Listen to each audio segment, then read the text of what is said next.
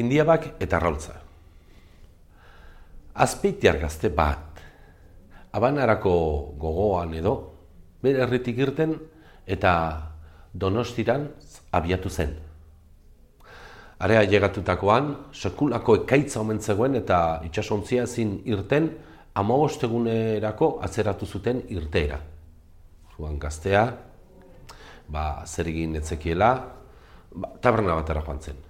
Tantxe, arrautz pare bat eskatu zuen. Arrautza jan, eta ordaintzera zijoanean konturatu zen, ba, momentu horretan xosik etzuela. Eta tabernariari esan omen zion, ara, e, bueltatzen nahi zenean ordainduko izkizu arrautzak eta. Tabernariak, bueno, bale, tira. Gaztea abanara joan zen, urteak eman zituenan, eta halako batean ja, etxera berriro bueltan zetorrela gogoratu zen zorrarrekin. Tabernara joan, eta tabernariari esan zion, ba, zorra ordaintzera zetorrela. Eta tabernariak, ba, ba, ongi, hasi bere kontuak egiten. Eta bere kontuak nahiko arraroak ziren. Kontxo, bi arraultzoiek, ba, prigitu beharrean, txitak egin banitu, txita horietatik beste arraultzaterako nituen o, olioak egiterakoan. Olio horiek erdiak saldu, eta besteak arrautzetarako, handik besteen beste, eta hasi zen kontuak egiten, da puzten, puzten, puzten, puzten, eta sekulako kontua egin zion.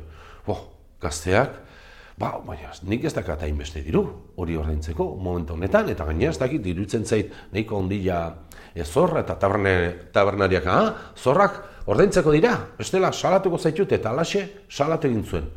Gaztea, herrirako bidean, bo, han nun eta lagun bat egin topatu.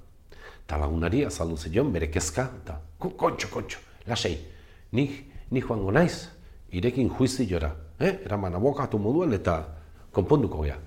Aiatu zen juizio eguna, tantxe, epaitegian, enak, eta gaztea bere lagunaren zai, ez etorrela, ez etorrela, eta epailea, bueno, zer, hasiko gea edo, ba, nire laguna etortzeko da, baina, ba, atzera, atzera zen nahi da, dena, eta ba, guantxa ailegatuko da, eta alako batean ailegatu zen, gaztea, eta epaileak, bueno, nondik ator, eh? hemen gu, ire zai, eta, ah, barkatu epailea jauna, baina justo nengoen etxean, ba, indiabak, babarrunak egosten, ba, gero ereiteko, eta epaileak, nola, zinezkoa da egositako injabak ereitea.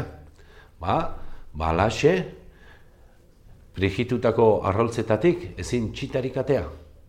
Ta alaxe amaitu zen epaila eta gaztea libre bere txera bueltatu zen, eta tabernaria ba, antxe gelditu zen, bere taberna ba, serbitzen eta arrautz gehiago pregitzen.